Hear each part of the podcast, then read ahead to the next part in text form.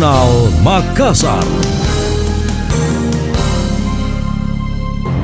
Saya Emil Faris dalam Jurnal Makassar. Sidang pemeriksaan terdakwa Nurdin Abdullah atas perkara suap dan gratifikasi yang digelar di Pengadilan Negeri Makassar Jumat 5 November 2021 menyingkap sejumlah fakta baru. Salah satunya adalah pengangkatan pejabat eselon yang tidak sesuai prosedur. Pejabat dimaksud antara lain Edi Rahmat, mantan Sekdis PUTR Sulsel yang kini juga berstatus terdakwa. Ada pula Sari Pujiastuti, mantan Kepala Biro Pengadaan Barang dan Jasa Sulsel. Jaksa Penuntut Umum JPU KPK Siswandono menilai pengangkatan pejabat yang melanggar aturan itu menandakan adanya maksud tertentu. Pihaknya menyimpulkan tujuan Nurdin Abdullah menempatkan orang-orang kepercayaannya pada jabatan strategis bisa jadi untuk mempermudah urusan bagi-bagi proyek ada kepentingan Pak Nurdi mengangkat orang-orang kepercayaannya dalam posisi-posisi yang diinginkan. Edi Rahmat dari Kasih eselon 4A langsung ke eselon 3A. Padahal Pak Nurdi bilang eselon 3B dulu dong. Faktanya nggak ada eselon 3B.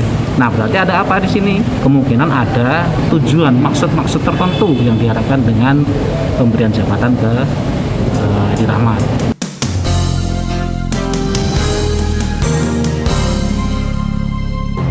Pada pemeriksaan sebelumnya, Edi Rahmat telah mengakui kedekatannya dengan Nurdin Abdullah sejak di Bantaeng, membuat karirnya sebagai ASN melejit cukup cepat. Jabatan Edi naik dari awalnya eselon 4A, setara kepala seksi di Dinas PUTR Kabupaten Bantaeng, menjadi sekretaris Dinas PUTR Pemprov Sulsel atau eselon 3A. Hal sama juga terlihat pada histori pengangkatan Sari Pujiastuti.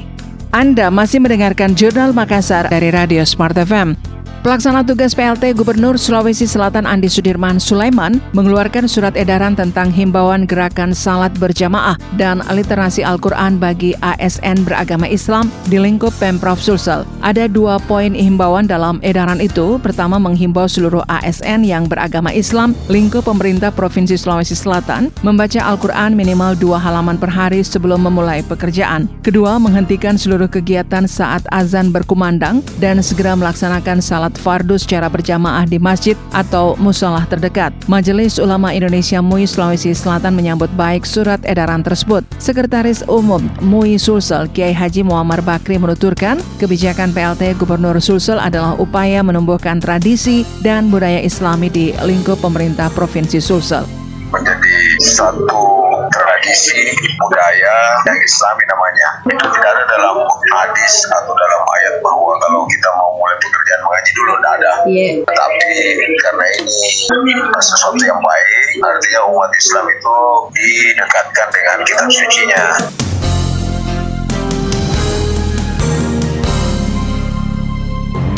Antusiasme terhadap edaran PLT Gubernur tersebut juga ditujukan oleh ASN Pemprov Sulsel. Salah satunya datang dari Dinas Pemuda dan Olahraga Dispora. Andi Arwin Aziz selaku Kepala Dinas Pemuda dan Olahraga Sulsel mengatakan edaran yang dikeluarkan PLT Gubernur Sulsel itu memang sudah seharusnya dilakukan, khususnya bagi para kepala OPD harus menjadi teladan bagi bawahannya menyambut baik karena memang harus seperti itu supaya kita dalam bekerja juga senantiasa diridhoi Allah yang pertama. Terus kalau kita selalu saja dekat dengan masjid, dekat dengan pasti kebaikan. Setiap anak buah mau mau berbuat salah berpikir ketika masuk asan dia harus sholat pasti kembali sholat. Tidak mungkin dia berbuat macam-macam.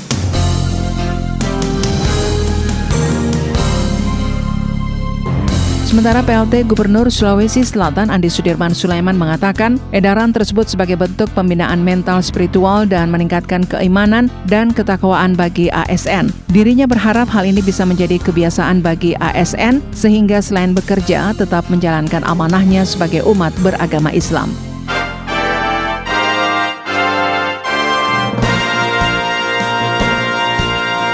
Demikian tadi, Jurnal Makassar.